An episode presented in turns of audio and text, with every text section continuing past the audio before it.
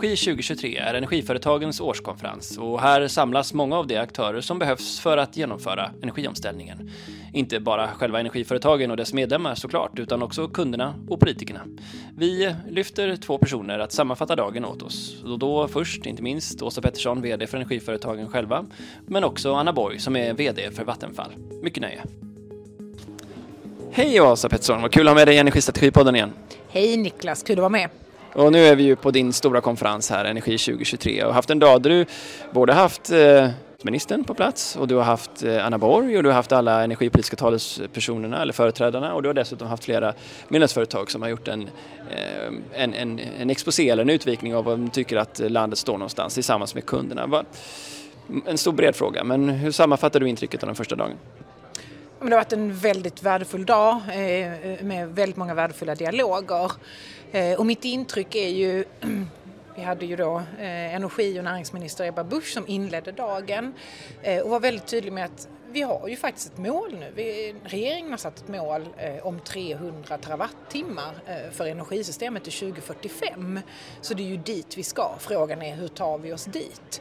Och här ser vi ju en hel del utmaningar och hinder fortfarande från branschens sida.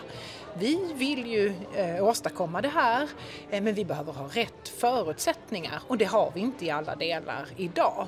Eh, en sak som har kommit upp flera gånger under konferensen idag är ju att vi saknar långsiktiga stabila förutsättningar för att bygga ut elnät som är ju en jättestor del av elektrifieringen. Vi har ju kvantifierat behovet till att vara så stort som investeringar på tusen miljarder i elnät till 2045 eh, och då behöver vi ju veta förutsättningarna framåt elproduktionen behöver vi också göra stora investeringar. Här ser vi ju att eh, den berömda kraftslagsdebatten som vi vill så gärna komma bort ifrån i branschen börjar ju faktiskt kanske bli lite mindre markant, i alla fall om man lyssnar på regeringens retorik. Ebba var ju väldigt tydlig med att alla goda krafter behövs och vi behöver bygga ut överallt. Så att här, här ser vi ju en, en, eh, en viss eh, förbättring måste jag säga. Sen exakt vad det kommer innebära i praktiken.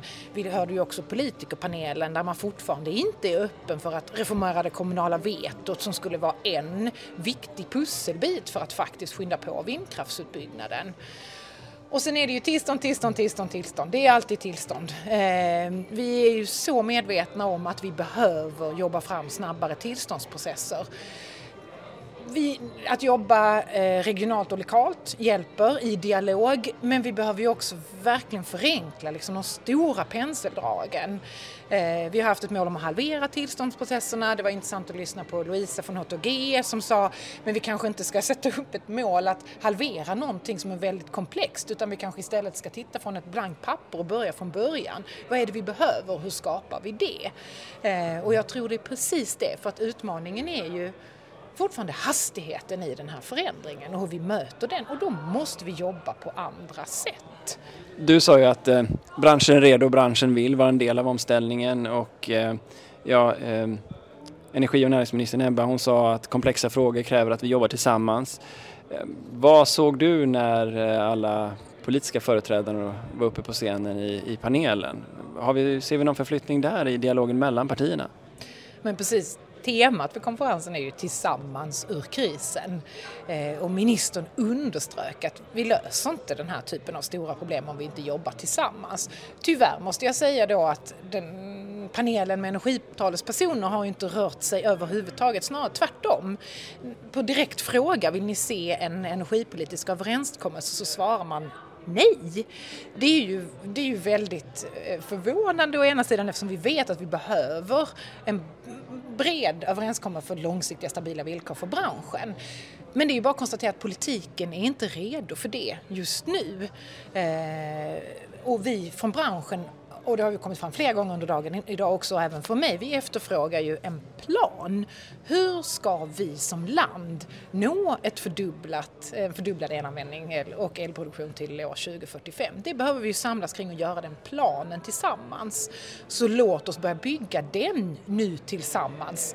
Eh, och eh, sen bygga på de bitar då där vi kan få fram energipolitiska, långsiktiga, stabila villkor utifrån en sån plan.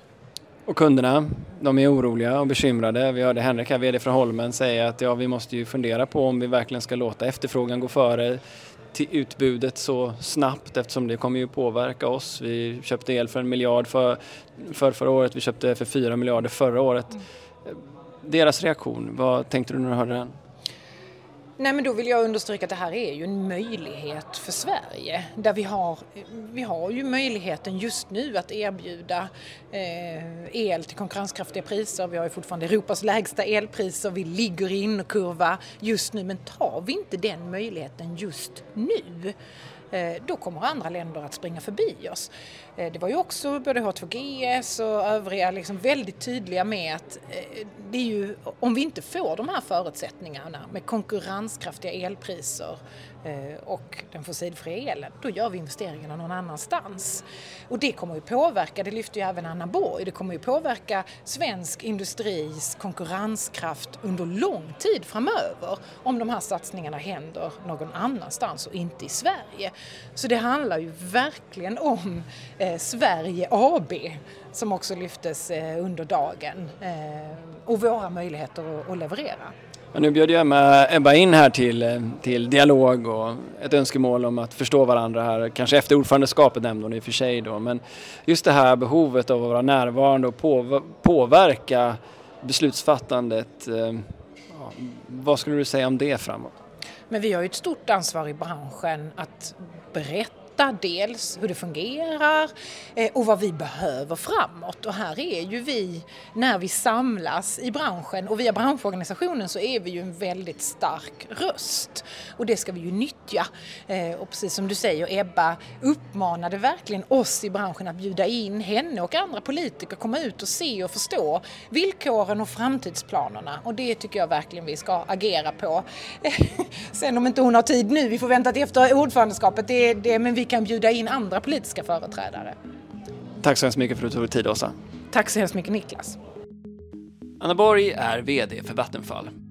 De står mitt i den förändringen som både kommer med stora vindkraftsparker, också satsningar på SMR, men också att de har väldigt många kunder runt om i landet. Så hur sammanfattar då deras VD Anna Borg var vi står någonstans just nu och hur ser hon det i relation till var vi var någonstans i somras? Anna Borg, varmt välkommen tillbaka till Energistrategipodden. Tack så mycket. Eh, du sammanfattar här budskapet att det politikerna behöver nu det är information och fakta. Och det du hörde idag, känns det som att det har skett någon förflyttning sedan jag träffade dig i somras? Jag tror att vi alla behöver information och fakta och så behöver vi diskutera tillsammans hur vi kan hitta lösningar. Eh, och det som är poängen med den här eh, möjligheten som vi har när det gäller just transformationen in i en fossilfri Eh, industriproduktion egentligen i Sverige, den kräver tror jag att man samarbetar mellan näringslivet och politiken. Att ramar och regler och, och eh, ramverk finns på plats men också att eh, de investeringar som behöver göras görs i tid.